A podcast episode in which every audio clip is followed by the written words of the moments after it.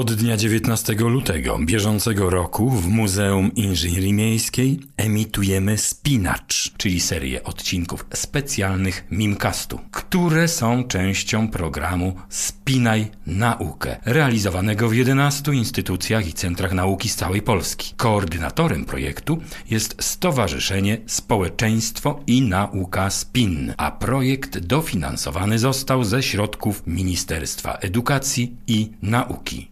Muzeum Inżynierii Miejskiej w Krakowie prezentuje.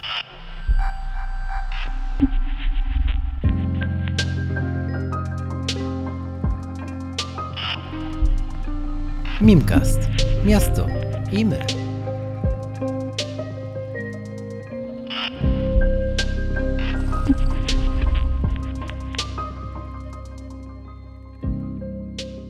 Na Spinacz, czyli odcinki specjalne podcastu Muzeum Inżynierii Miejskiej, zaprasza Państwa Paweł Pasterz. Dzień dobry. A dziś z gościem drugiego odcinka specjalnego wydania Mimcastu porozmawiamy o astrobiologii, podróżach do gwiazd i kosmicznych innowacjach. Nasz gość w ramach swojej pracy naukowej badał m.in. wpływ światła gwiazd na organizmy żywe, był odpowiedzialny za stworzenie prototypu oświetlenia synchronizującego zegary biologiczne w przestrzeniach izolowanych od światła słonecznego. Ukończyła studia na Wydziale Biologii Uniwersytetu Jagiellońskiego a doktorat na Uniwersytecie w Sztokholmie. Do jej licznych sukcesów należy odkrycie wewnętrznej powieki owadów. Szczególnie zasłużyła się dla kraju, współtworząc pierwsze analogowe bazy kosmiczne, gdzie przeprowadza się symulacje misji pozaziemskich. Obecnie zarządza własną firmą Astrotech and Bioastronautic Research. Państwa i moim gościem jest dr Agata Kołodziejczyk. Dzień dobry. Dzień dobry Państwu, witam serdecznie. Podobno najtrudniej jest zacząć, a zwykle najważniejsze jest pierwsze pytanie, a potem to już jest z górki. Ja długo zastanawiałem się, jak zacząć tę naszą rozmowę, bo pani dosie i osiągnięcia są tak imponujące, że naprawdę trudno mi było się zdecydować. Całe szczęście, że mamy doskonały pretekst, zatem zacznę od wydarzenia, które całkiem niedawno wygenerowało niemałe zainteresowanie wśród pasjonatów nauki i podboju kosmosu. Kolejna misja na czerwoną planetę została zrealizowana, przeprowadzona z powodzeniem. Misja dość wyjątkowa, a pytanie moje jest takie: czy w obliczu kolejnego sukcesu jesteśmy bliżej naszych marzeń o życiu na innej planecie, czy pozostajemy ciągle w tym samym miejscu? A może nie wszystko idzie tak dobrze, jak prognozowaliśmy w latach lądowań na Księżycu, no i złotych czasach załogowych misji Apollo? Dobrze, to ja może zacznę od tego, że lądownik, który wylądował kilka dni temu na Marsie, kilkanaście dni temu, e, jest efektem e, bardzo wieloletniej pracy i jest to najnowocześniejszy sprzęt z najnowocześniejszymi technologiami. Jeszcze takich rzeczy nie było. E, no chociażby helikopter, który po raz pierwszy będzie eksplorował planetę Mars właśnie z góry. Nie będzie trzeba pokonywać przeszkód, skał. Nie wiadomo, co tam może być właśnie po drodze. Więc to jest ogromna satysfakcja, że mogliśmy tak dobre sprzęty wyprowadzić na Marsa i uzyskać e, niezwykłe dane. I tutaj przede wszystkim ta niezwykłość jest w astrobiologii. Jest to pierwsza misja, która ma badać, czy było życie na Marsie która ma badać tuż pod powierzchnią, czy jest dostęp do wody, która ma badać wreszcie, czy my ludzie możemy tam bezpiecznie zamieszkać, jak zbudować bazę. To wszystko jest obecnie badane w misji Perseverance. Znakomite przejście od misji marsjańskiej do pani zawodowych specjalności. Neurobiologia, astrobiologia. Y, do baz kosmicznych to za momencik oczywiście wrócimy. Ale pozwoli pani, że zadam jeszcze inne pytanie. Skąd takie zainteresowanie tymi dziedzinami? Neurobiologią zwłaszcza, bo ja prywatnie dodam, że wszelkie terminy łączące biologię z gwiazdami to dla mnie wprost poszukiwanie życia, inteligencji w kosmosie. Jeśli się zagalopowałem, to pani mnie wyprowadzi na prostą, ale, ale proszę mi powiedzieć, czy IT już może zadzwonił? Nie, ale y, bardzo, bardzo trafnie pan to ujmuje. Oj, to mało kto, mało kto zadaje y, taki, powiem, bezpośredni tutaj atak. Oj, to ja bardzo przepraszam, nie chciałem, żeby to zostało tak odebrane. Obiecuję naprawdę poprawę. Choć obiektywnie patrząc, pani Agato, no z czym może się kojarzyć gwiezdna biologia pasjonatowi, wielbicielowi Gwiezdnych Wojen. Powiem tak, może od początku. Y, nie jestem zwykłym dzieckiem, y, już nie dzieckiem niestety.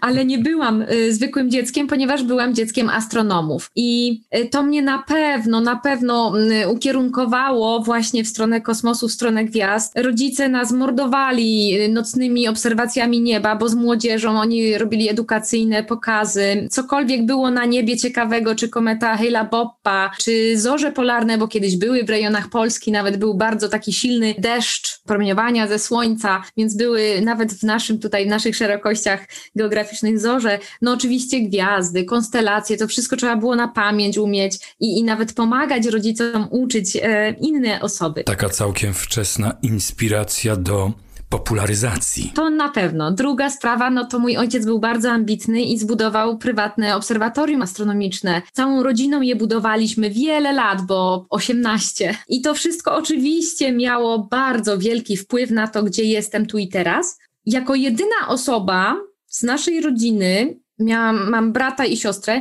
nie poszłam na astronomię i nie jestem związana ze ścisłymi przedmiotami. I to nie to, że nie lubię matematyki, czy fizyki, czy chemii. E, bardzo je lubię, ale po prostu chciałam zrobić coś innego niż moje rodzeństwo i niż mama i niż tata.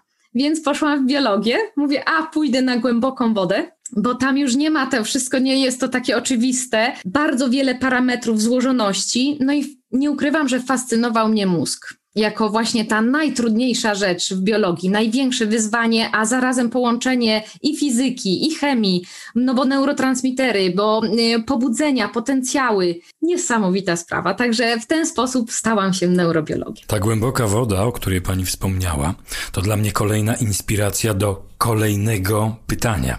Głębia może być inspirująca, zatem nie było bardziej fascynującym zanurkowanie na przykład do głębi Challengera jak James Cameron w poszukiwaniu tajemnic życia i nowych gatunków?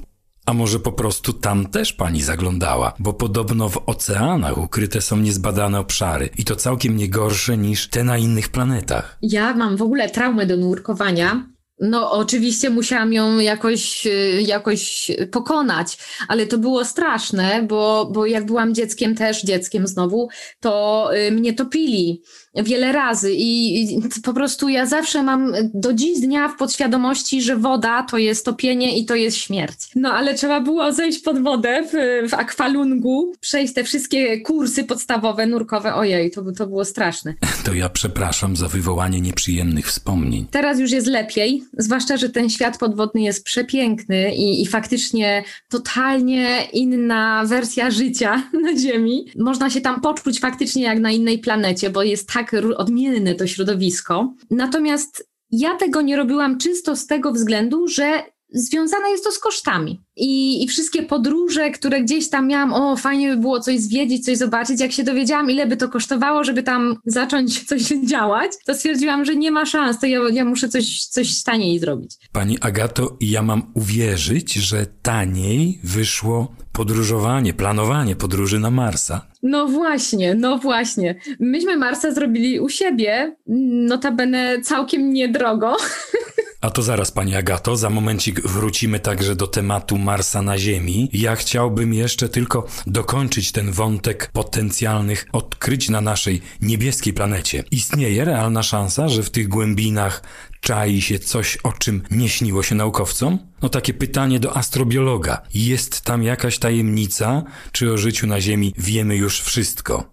No prawie wszystko. Na pewno nie wiemy wszystkiego i na pewno przyjdzie czas, że będziemy, właściwie z każdym rokiem poznajemy tyle nowych gatunków, e, czy to zwierząt, czy roślin, także to cały czas się rozwija, notabene wszystkie gatunki transformują, prawda, jest ewolucja. My żyjemy cały czas w takim, można powiedzieć, morzu informacji, które cały czas pulsuje, które cały czas żyje, rozwija się i to nie jest, nie mogę powiedzieć, że to jest stałe środowisko ta cała cenna informacja e, życia to jest proces.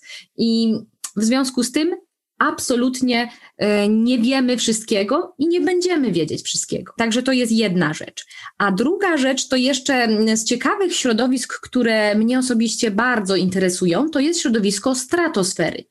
I pewnie Państwo doskonale wiedzą, że stratosfera to jest część atmosfery ziemskiej, 30 kilometrów nad naszymi głowami i nad warstwą ozonu. Więc to środowisko również jest bardzo ciekawe, jeśli chodzi o możliwie możliwe formy metabolicznie czynne, które, które osadzają się tam na takich bardzo rzadko występujących cząsteczkach pyłu, unoszonych przez chmury burzowe na przykład. Była wielka misja indyjska zrobiona do stratosfery i wykazała, że faktycznie w tym rejonie 30 kilometrów nad nami żyją, żyją całkiem nowe organizmy dla właśnie tutaj naszego środowiska ziemskiego z innym RNA, z innym DNA, a te formy są tam praktycznie w próżni, e, metabolicznie czynne, podobno. No bo, no bo ciężko jest to tak do końca e, zbadać, natomiast są publikacje, naukowcy twierdzą, że, e, że to zbadali. Więc nie trzeba daleko, nie trzeba głęboko, i to wszystko nas otacza, to nowe, to niezbadane. Zaglądnęliśmy w głębiny, stuknęliśmy w stratosferę, to teraz może sięgnijmy bliżej, można powiedzieć na wyciągnięcie ręki, tak? Spróbujemy teraz złapać muchę, e, głównie po to, żeby przyjrzeć się jej oczom. Pani Agato, co wspólnego może mieć oko muchy z orbitalnym teleskopem? Będąc na studiach w Sztokholmie, robiłam tam doktorat, pracowałam właśnie na układzie wzrokowym muchy. Ja zawsze myślałam, że muchy, no jak muchy, no, mają oczy, no bo muszą latać e, w przestrzeni 3D, dodatkowo się poruszać, to muszą mieć skomplikowane te oczy, ale nie wiedziałam, że aż tak. Dlaczego zaczęłam je studiować? Ano dlatego, że bardzo łatwo tam jest zrozumieć, jak neurony ze sobą rozmawiają. Po prostu każdy układ wzrokowy, również nasz ludzki, zbudowany jest z bardzo pięknej, takiej hierarchicznej struktury tych neuronów i widać od razu, który neuron z którym rozmawia. Dlaczego o tym mówię? Dlatego, że oko muchy, proszę Państwa, jest to oko złożone. Ono się składa z takich samych elementów. Więc anatomicznie jest on bardzo wdzięcznym układem do analizy poszczególnych właśnie elementów, jak układ wzrokowy zbiera obraz, zbiera sygnały świetlne i przede wszystkim na pewno Państwo widzieli oko muchy. To oko muchy nie ma powieki. To jak mucha lata w stronę słońca, że ona nie oślepnie? No bo my jak patrzymy na słońce, to no, możemy sobie dość srogo uszkodzić wzrok, a przynajmniej przez jakiś czas później widzimy wszystko no, na zielono. Więc mucha zamiast powieki ma, proszę Państwa, taki system odcinania y, tych, tego natężenia światła, ma tak jakby wewnętrzną powiekę. I to wszystko jest zrobione, można powiedzieć, na takiej zasadzie, teraz to jest modne takie słowo, software'owej. Czyli, że to nie jest hardware, że to nie jest elektronika, tylko jest to specjalny program narzucony, taka aplikacja, która właśnie spełnia konkretną funkcję. I jeśli chodzi o teleskop na orbicie, to teleskopy orbitalne, y, niektóre oczywiście są, y, są to teleskopy takie, że, że mają jedno oko, które patrzy gdzieś we wszechświat. Natomiast więcej takich y, urządzeń optycznych, instrumentów optycznych zbudowane jest właśnie z takich małych modułów, powtarzalnych modułów, jak oko złożone muchy. I cała, cała zabawa polega na tym, no żeby ta matryca, która tam jest, detektorów, żeby ona nie została wypalona przez bardzo energetyczne, bardzo mocne światło naszej gwiazdy Słońca. I po to się robi specjalne, wielkie, ciężkie osłony tytanowe, a prawda, każdy kilogram wyniesiony w kosmos to jest co najmniej 25 tysięcy dolarów. To proszę sobie pomyśleć, ile taki teleskop z taką wielką osłoną tytanową, ile on będzie kosztował, no żeby go wynieść na orbitę. Naturalną rzeczą jest, że inżynierowie kosmiczni myślą, jak zredukować masę tych wielkich, przepotężnych osłon, matryc, detektorów pracując w Europejskiej Agencji Kosmicznej, zaproszono mnie jako eksperta od biomimetyki, czyli tak jakby jest to dziedzina, która naśladuje naturę, naśladuje rozwiązania, jakie natura przez wieki, przez miliony lat ewolucji dopracowała. I proszę Państwa, faktycznie w tej Europejskiej Agencji Kosmicznej przedstawiłam inżynierom kosmicznym, jak to wygląda w oku muchy.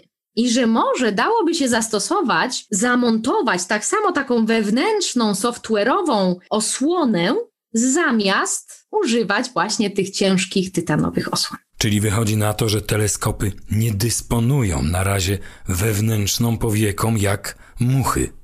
Jeszcze nie.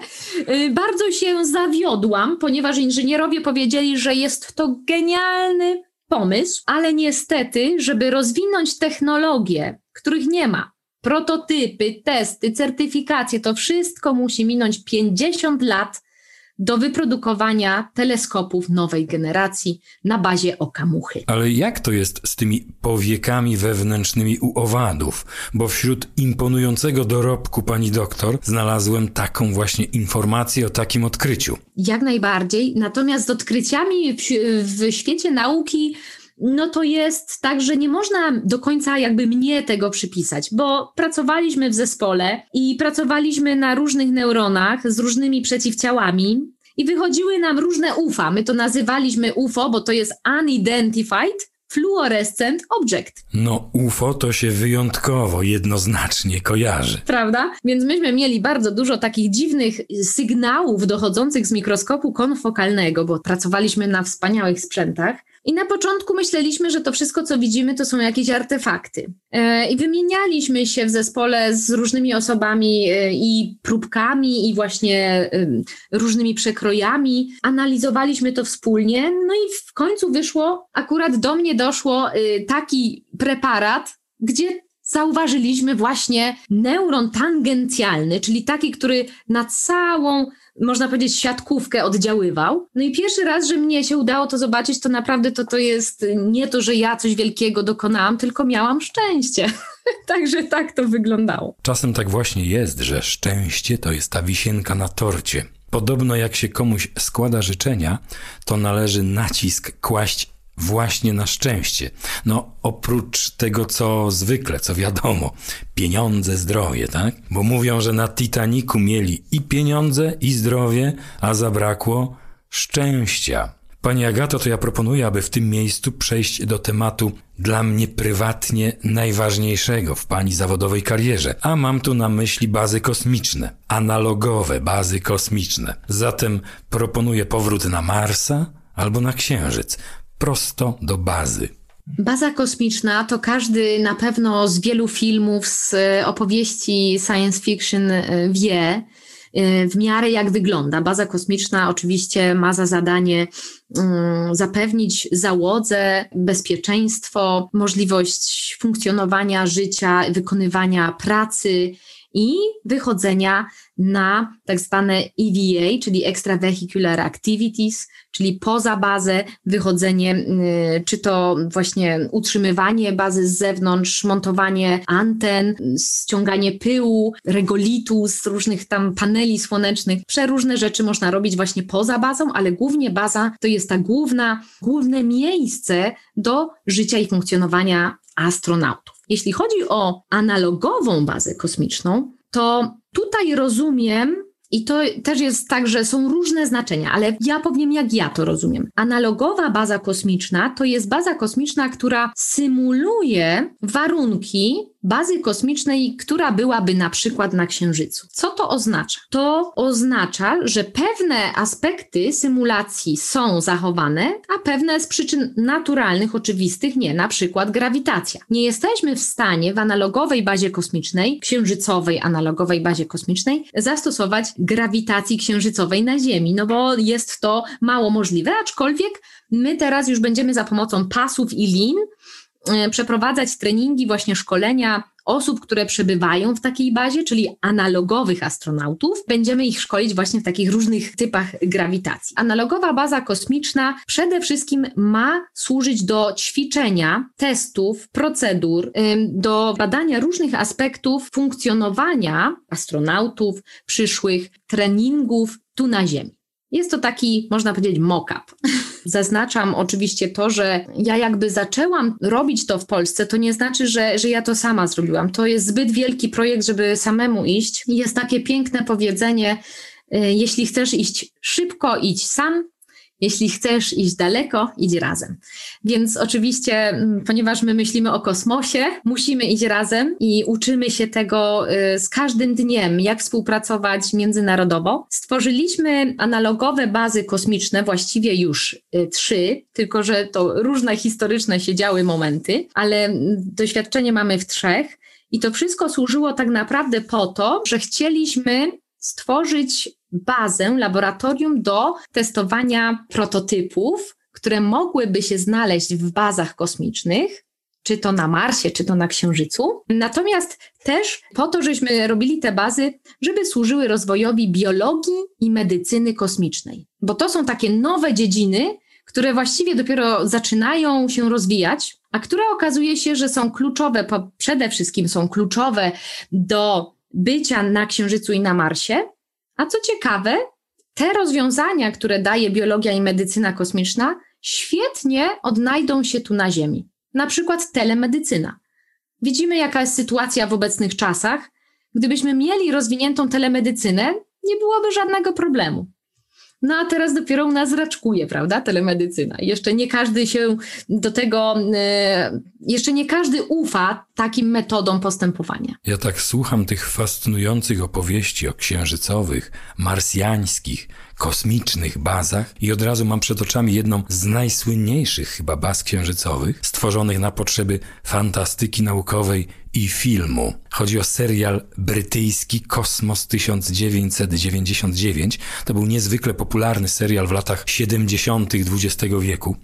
Większość słuchaczy może nawet pamięta. Baza księżycowa Alfa zlokalizowana na naszym naturalnym satelicie, byłym naturalnym satelicie, stanowiła miejsce akcji serialu. Powiedziałem byłym, ponieważ w pierwszym odcinku serialu, wskutek eksplozji, księżyc z całym dobrodziejstwem inwentarza zostaje wyrzucony z orbity, no i leci sobie w kosmos razem z załogą, komandorem Kenigiem, doktor Heleną Russell i innymi. No taka dygresja. Fantastyczna, ale od fantastyki często zaczynają się całkiem poważne projekty. Ale skoro o marzeniach, to pytanie mam takie: czy te pani marzenia o kosmicznych bazach i prace, które prowadzicie, pozwalają sięgnąć dalej niż Księżyc i Mars? Mam tutaj na uwadze na przykład księżyce Jowisza albo Saturna.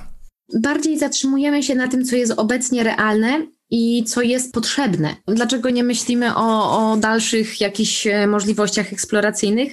No właśnie dlatego, że boimy się, że publikacja tego typu rzeczy mm, niekoniecznie spotkałaby się z, z jakimś tam większym zainteresowaniem.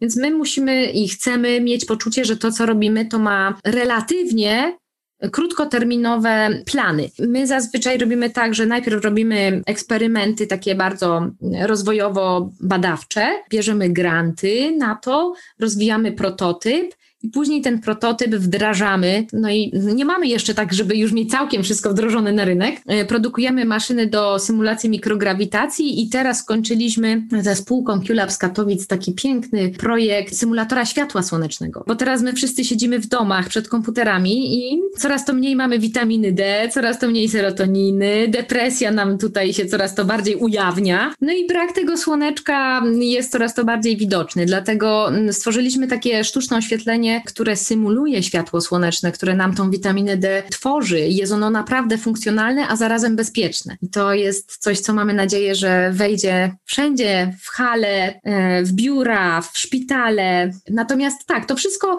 to wszystko zaczyna się w analogowej bazie kosmicznej. Znakomity pomysł z tym słońcem w wersji sztucznej, choć to słowo sztuczne nieładnie mi tu brzmi troszeczkę.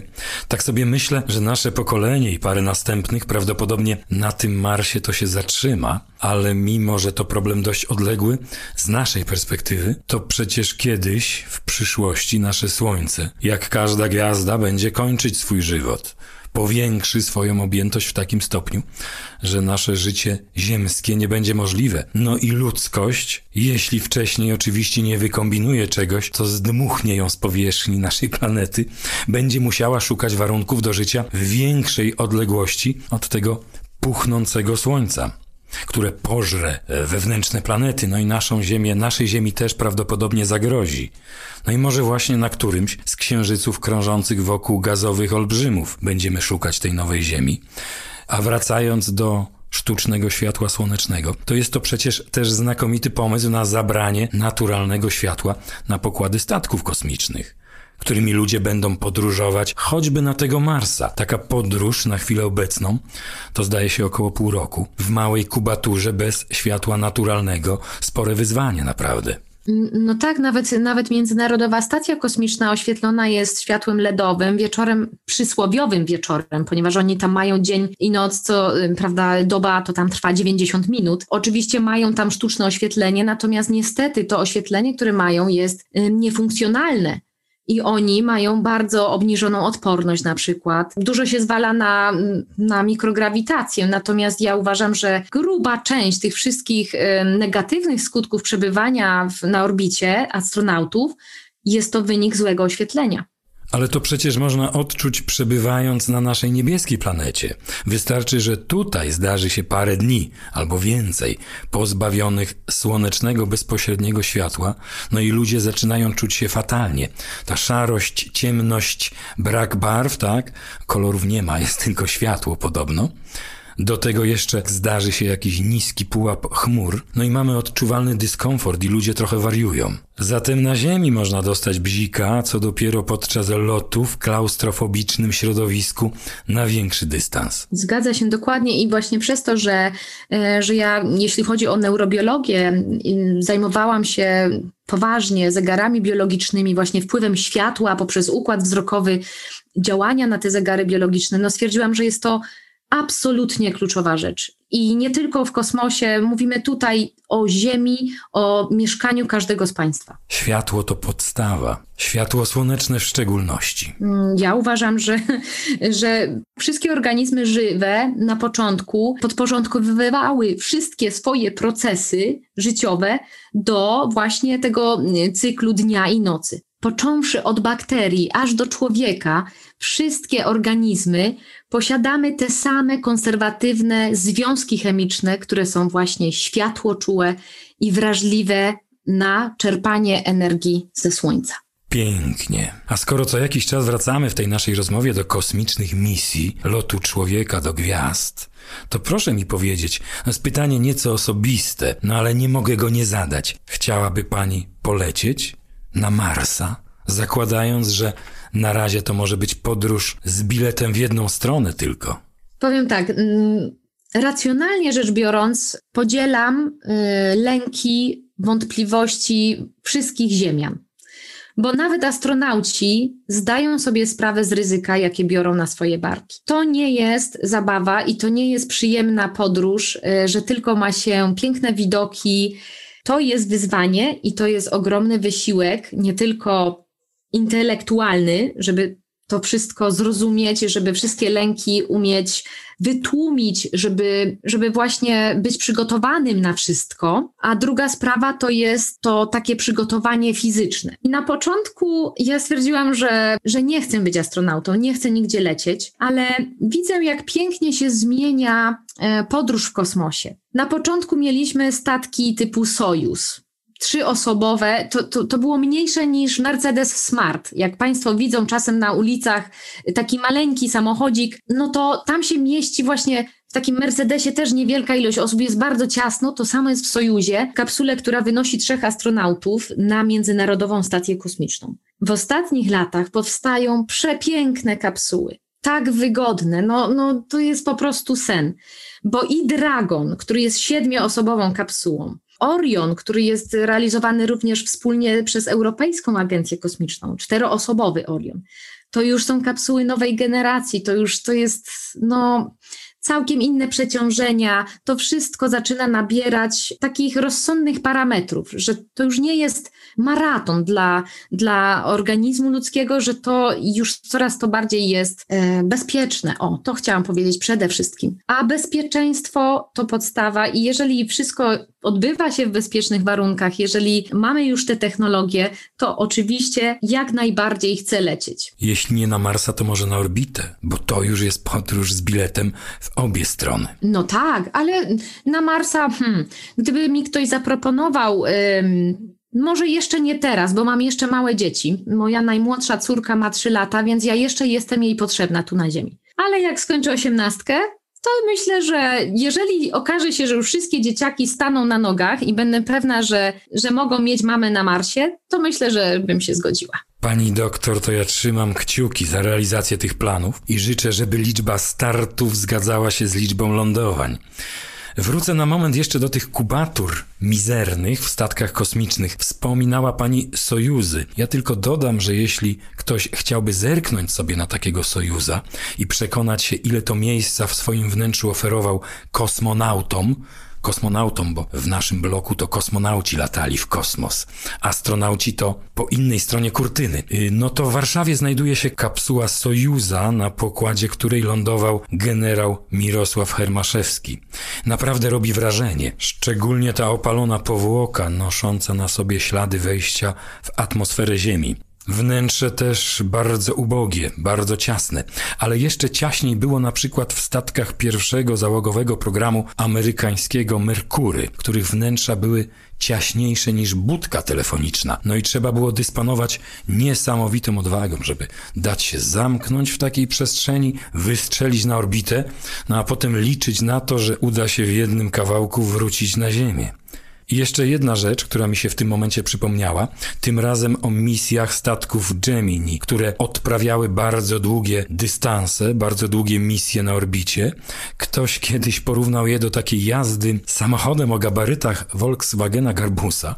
Proszę sobie wyobrazić taką podróż. Dwa tygodnie w fotelach takiego autka, w skafandrach, bez możliwości wyprostowania się, załatwienia w tradycyjny sposób potrzeb wszelakich, no można spróbować na ziemi wyzwanie bardzo ambitne. Ciekawym jest to, że, że my sobie wyobrażamy, że będzie nas zaraz kręgosłup bolał, e, no bo jak siedzimy nawet cały dzień przed komputerem, to tak wstać to jest ach, ciężko, ale pamiętajmy, że tam jest mikrograwitacja, więc troszeczkę inaczej tam te siły są rozłożone i e, troszeczkę jest, można powiedzieć, e, mniejsze obciążenie, jeśli chodzi o właśnie mięśnie kości. A jeśli chodzi o grawitację i symulowanie jej księżycowego odpowiednika tu na Ziemi, wspomniała Pani o systemie, nad jakim obecnie pracujecie. Jakiś czas temu, ponieważ e, zajmuję się również opracowywaniem i budową rozmaitych demonstratorów popularno-naukowych, zaprojektowałem takie urządzenie, które wykorzystując prosty układ bloków i przeciwwag umożliwiałoby każdemu poznanie tego niesamowitego uczucia, lekkości, jakiego można doznać spacerując czy podskakując w zmniejszonej grawitacji Księżyca. Naprawdę prosta konstrukcja, coś w rodzaju takiej lekkiej, ale stabilnej wieży, na której zamontowano taki właśnie system przeciwwag. Amerykańscy astronauci trenowali zawieszeni, y, jakby to powiedzieć, jak wahadło zawieszeni właśnie w takich uprzężach, tyle że poziomo, prostopadle do ściany, która była dla nich podłogą. No i w ten sposób funkcjonowali na Ziemi w obniżonej grawitacji. A czy wasza konstrukcja to jest coś w tym rodzaju właśnie, czy macie jeszcze inne rozwiązania w planach? To jest dokładnie taki sam pomysł, y, znaczy taki sam, może to nie jest wieża, mm, jeszcze nie mamy, nie wiemy jak to zamontować, żeby to było, no i nie mamy jeszcze policzonych parametrów, ale będzie to taki sprzęt jak do kinezyterapii. To mhm. właśnie jest dla, y, tak jak do rehabilitacji kończyn i tam różne właśnie można obciążać obciążenia dać na, na, na układ y, ruchu i chcemy to wykorzystać do takich prostych treningów, także w ten sposób będziemy działać. A z drugiej strony to ciekawie wyglądałyby ziemskie rekordy lekkoatletyczne w polu grawitacyjnym Księżyca. Był kiedyś taki pomysł zorganizować no, teoretycznie Igrzyska Olimpijskie na Księżycu. No my robiliśmy w habitacie igrzyska księżycowe, Lunar Olympiad i były różne właśnie skoki w dal, skoki wzwyż. E, to wszystko oczywiście w skafandrach, żeby nie było łatwo. Także dużo ciekawych rzeczy też e, próbowaliśmy robić, no ale niestety w grawitacji tutaj ziemskiej. E, to było jeszcze gorzej, bo astronauci musieli symulować, że są na Księżycu, czyli oni musieli mózgiem jakby to wszystko naśladować, a nie faktycznie poddawać się siłom fizyki. Mam taki rower, przerobiony z klasycznego składaka do celów popularno-naukowych. To jest niby zwykły rower, ale układ kierowniczy przy pomocy prostej przekładni działa odwrotnie niż normalny, czyli obracając kierownicę w lewo, koło skręca w prawo. Kierownica w prawo, koło idzie w lewo. Od taka odwrotka. Jazda na takim sprzęcie jest dosyć utrudniona, bo odruchy, które nabywamy, ucząc się jeździć na dwóch kółkach, każą nam odpowiednio reagować podczas utrzymywania równowagi i na przykład wchodzenia w zakręty. A na tym rowerze to wszystko, czego się nauczyliśmy, po prostu nie działa. Podobno astronautów trenowano na takich rowerach, żeby uczyć ich panowania nad odruchami. To ja teraz zapytam specjalistkę neurobiologa. Nad odruchami, szczególnie tymi wyuczonymi, panuje nasz mózg.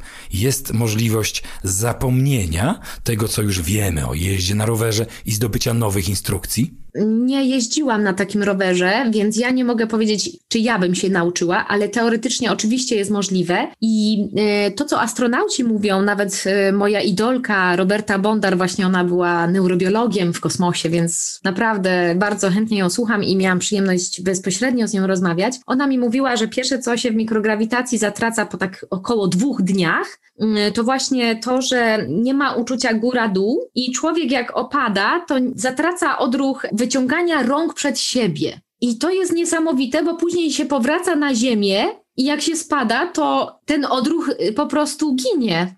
Synapsy, które nie pracują, y, które nie mają wciąż tych pobudzeń, nie ma utrwalania, konsolidacji pewnych odruchów, to wtedy to wszystko się rozłącza. I właśnie mikrograwitacji świetnie to widać, ta neuroplastyka, to się tak nazywa, jak ona jest wielkim, potężnym narzędziem. Jak nasze mózgi są w stanie się przeprogramować, poprzepinać wszystkie złącza, tak, żeby dostosować się do tego, żeby przetrwać. Bo to głównie o to chodzi. Musi być motywacja, musi być coś, co stwarza, że chcemy się nauczyć czegoś nowego. Słyszałem o takim eksperymencie, w którym wybranym osobom dawano specjalne gogle odwracające widzenie. Przez jakiś czas używali tych gogli i mózg po pewnym czasie wracał do stanu wyjściowego, czyli znowu widzieli normalnie. No ale oczywiście potem po zdjęciu tych gogli znowu widzieli do góry nogami i przez jakiś czas musieli się przyzwyczajać. Tak, my to mamy normalnie w czasie misji. Każdy z analogowych astronautów ma zrobić taki trening i codziennie zakładamy im okulary właśnie te odwrócone. Mają podpisać się imieniem, nazwiskiem, mają napisać e, ciąg liczby od 1 do 20 i mają narysować swojego kolegę. I to jest po prostu niesamowite, jak oni sobie radzą, bo ci, co najlepiej sobie radzą, to proszę Państwa, to jest niesamowite. Oni wyłączają całkiem wzrok, przestają odbierać jakiekolwiek bodźce z układu wzrokowego, mają pamięć mięśniową w ręku, na pamięć mięśniami wszystko piszą idealnie. A wszyscy ci, co się starają przeprogramować wzrok, ojojoj, oj, to im dalej w las, tym gorzej. Czyli codziennie coraz gorzej. Coraz bardziej interesująco brzmią te opowieści prosto z analogowych baz kosmicznych. Jeśli kiedyś będę miał okazję je odwiedzić, a podobno nadarzy się taka okazja, to ja wtedy przywiozę pani doktor ten fikuśny rower. No i poeksperymentujemy sobie. Zapraszamy serdecznie. W ogóle my organizujemy, nie wiem czy w tym roku, ale w następnym roku będziemy organizować dla dziennikarzy misję. To przyjadę z rowerem i będzie można sprawdzić osobiście, komu uda się przejechać 10 metrów po prostej. Potrenujemy też zakręty i omijanie przeszkód. Zabawa naprawdę przednia. Super!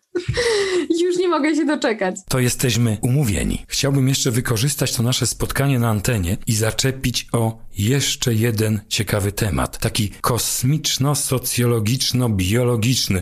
Zresztą tak naprawdę siedzi w nim wiele różnych aspektów. Temat wykorzystywany do tej pory był tylko jeden raz. To znaczy, ja wiem o takim przypadku. Jeden raz w filmie fantastyczno-naukowym. Film nazywa się Moskwa Cassiopeia i w latach 70. emitowany był także w polskich kinach i w telewizji. Był tam interesujący projekt przedstawiony. Na Ziemi odbieramy sygnały z odległej gwiazdy, znajdującej się w układzie konstelacji Cassiopei. No i powstaje projekt wysłania misji, załogowej misji kosmicznej do odległej gwiazdy. Pomysł jest taki, że załoga statku kosmicznego, który bierze udział w tej niesamowitej podróży, to bardzo młodzi ludzie, nastolatkowie. Lot, mimo że ze znaczną prędkością, bo tam statek rozpędza się prawie do prędkości światła, ma trwać długi okres czasu. No i chodzi o to, żeby ci młodzi ludzie dolecieli na miejsce jako dojrzałe, dorosłe osoby. Czyli całe życie edukacja, rozwój będzie odbywało się, odbywał się w podróży kosmicznej. Świetny pomysł, bardzo nowatorski. Nie słyszałem nigdy więcej o takim pomyśle.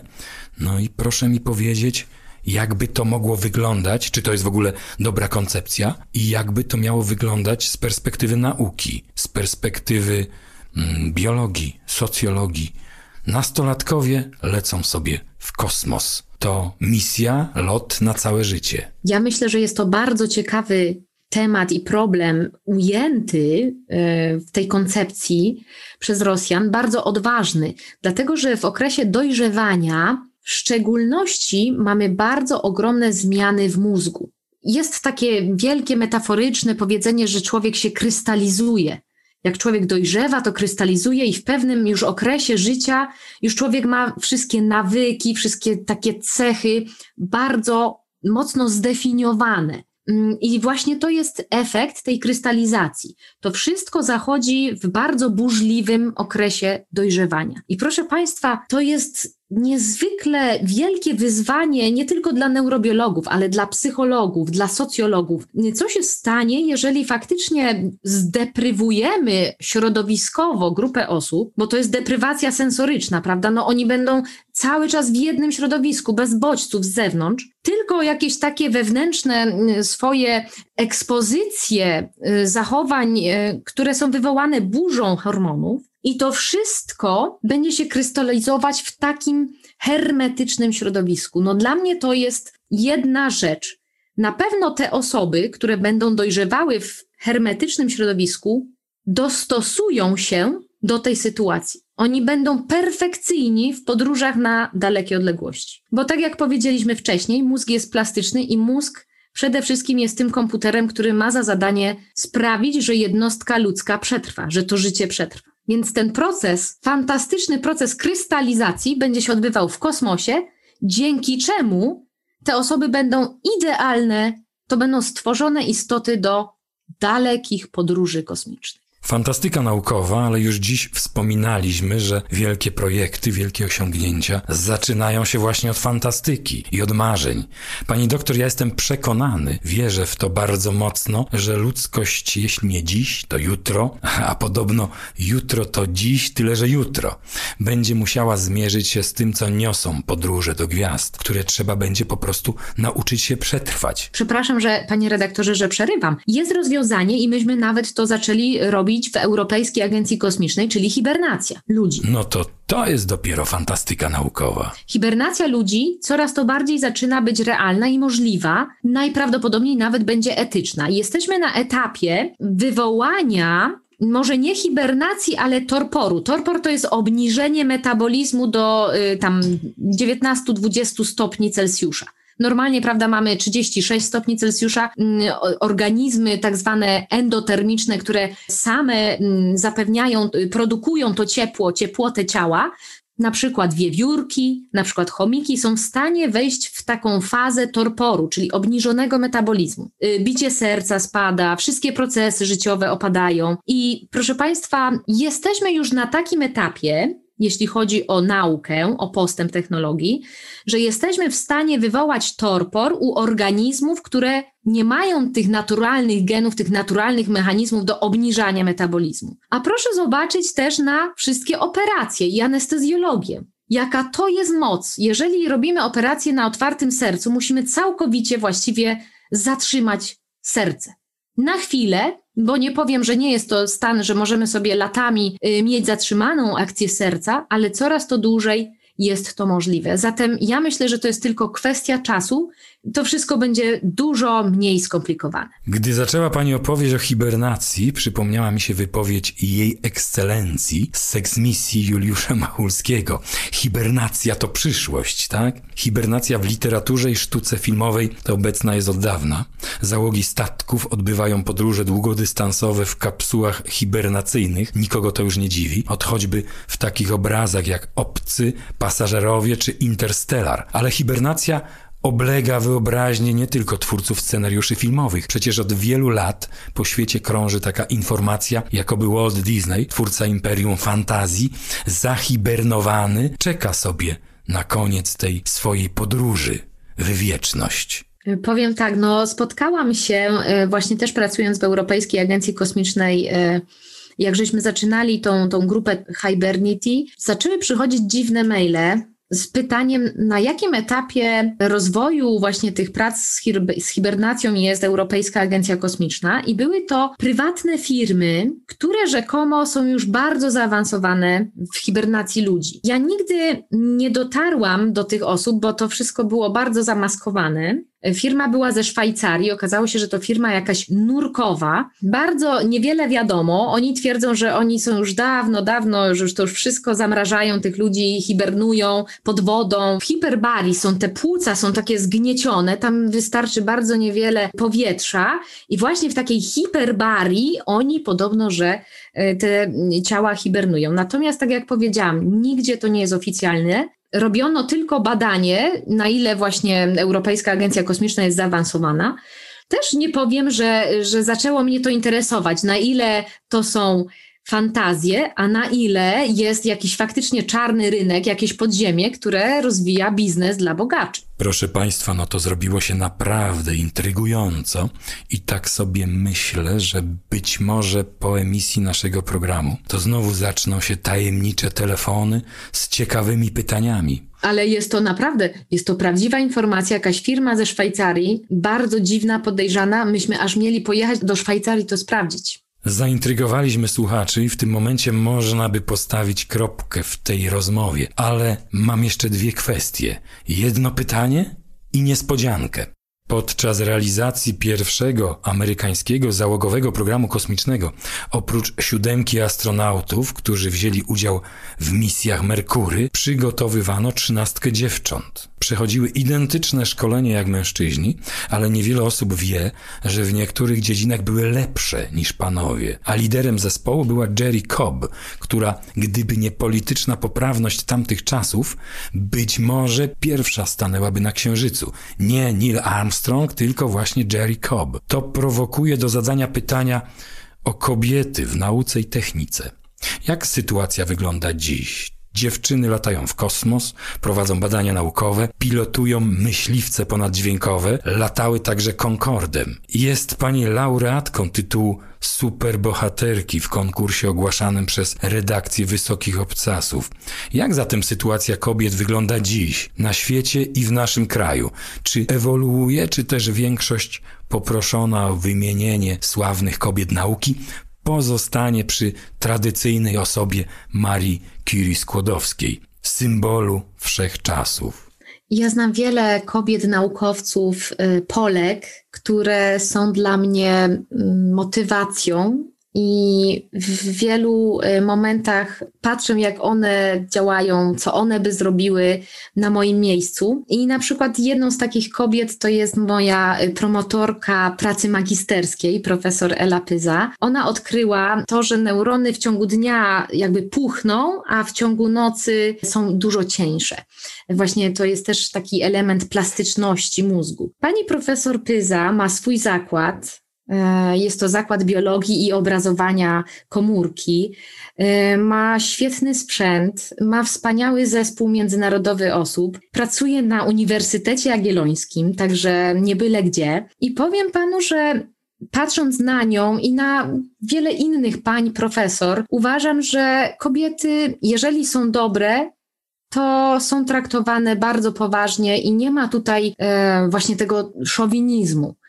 Oczywiście jest patriarchat, w wielu miejscach wybiera się mniejsze zło, że tak powiem, bo jeżeli, jeżeli kobieta ma na głowie dzieci, jeżeli ma rodzinę, jeżeli ma różne problemy poza uczelnią, y, no to wiadomo, że wtedy mężczyźni są dużo lepsi. Są dużo lepsi, zwłaszcza z, z tym ich emocjonalnym dystansem, z dystansowaniem do różnych e, problemów. Te kobiety, które znam, one z reguły nie mają rodzin, e, nie mają dzieci, są całkowicie poświęcone swoim studentom i swojej pracy naukowej. Zabrzmiało jak ostrzeżenie. To znaczy tak, mi pani profesor zawsze mówiła, Agata, jeżeli chcesz iść w naukę, to, to nie będzie małżeństwa. Albo małżeństwo, albo nauka. I coś w tym prawdy jest. Ja jeżeli cokolwiek robię naukowo, a robię no niestety ze względu na różne inne projekty coraz mniej, to piszę te wszystkie rzeczy po godzinach, czyli pierwsza w nocy, albo się budzę o czwartej rano i do siódmej rano mam czas. Także zgadzam się z panią profesor. Ja, jak tylko ją widzę, to mówię, miała pani profesor rację. Pani doktor się śmieje, ale te ostatnie zdania jakoś tak smuteczek jakiś wygenerowały. Żeby było bardziej optymistycznie, szarpnę się na taki komentarz. Kobiety od niedawna mają szansę na sukces. Ten mały i ten duży. I ja jestem przekonany, że te szanse wykorzystają w stu procentach. Na koniec niespodzianka, którą obiecałem. Za moment usłyszy pani dźwięki, a te dźwięki będą związane z taką porcją pani życia, o której nie wszyscy może wiedzą, a ja dowiedziałem się w trakcie naszej pierwszej rozmowy wstępnej, no i postanowiłem wykorzystać, bo to historia, którą warto opowiedzieć pewien instrument zagadał. Mam nadzieję, że było słychać. Oczywiście, słychać, słychać bardzo dobrze. To nie jest oczywiście tradycyjny akordeon, bo ja nie ogarnąłbym jednak techniki, zwłaszcza jak to pani powiedziała, miechowania. To pan zagrał? Specjalnie dla pani na potrzeby tej rozmowy zamontowałem w studio Instrument, który nazywa się harmona. Brzmi jak akordeon, posiada klawiaturę o rozmiarach i architekturze akordeonowej, ale nie jest akordeonem. Zrobiłem to z premedytacją po to, żeby namówić panią na zakończenie do kilku zdań na temat pani przygody z muzyką, instrumentami, akordeonem i organami w Sztokholmie. Akordeonem, który uważa pani za najlepiej rozwijający instrument wszechczasów. Tak, ja bardzo, y, proszę państwa, polecam każdemu, bez względu na wiek, bez względu na y, miejsce, w jakim się Państwo znajdują życia, żeby spróbować uczyć się grać na instrumencie. To jest taka przygoda, że no nie ma lepszego, można powiedzieć, ćwiczenia na nasz mózg. Nie ma lepszej medytacji na mózg, właśnie jak granie. A granie, no to na czym? No najłatwiej jest grać na pianinie, bo to dosyć prosto jest jakby rozpoznać te czarne klawisze, te białe klawisze. Najpierw się tylko na białych, później się na czarnych, już coraz to bardziej komplikuje. Później dwie ręce się dodaje, a później można na cztery ręce z sąsiadem, z sąsiadką i jest jeszcze fajniej. Także bardzo polecam klawiszowe y, instrumenty. E, gitara też jest fajna i też bardzo łatwo się na niej nauczyć grać, bo każde ognisko później nabiera innego znaczenia. O ile jeszcze Państwo pamiętają ogniska, cykanie świerszczy i właśnie ten ogień i ta gitara, ojej, mm, aż się rozmarzyłam. E, no właśnie, natomiast no, jako neurobiolog e, zawsze szukałam wyzwań dla mózgu, również swojego mózgu, ponieważ chcę być sprawna, nie tylko fizycznie, nie tylko dbam właśnie o zdrowie, o kondycję fizyczną, ale też o ten umysł.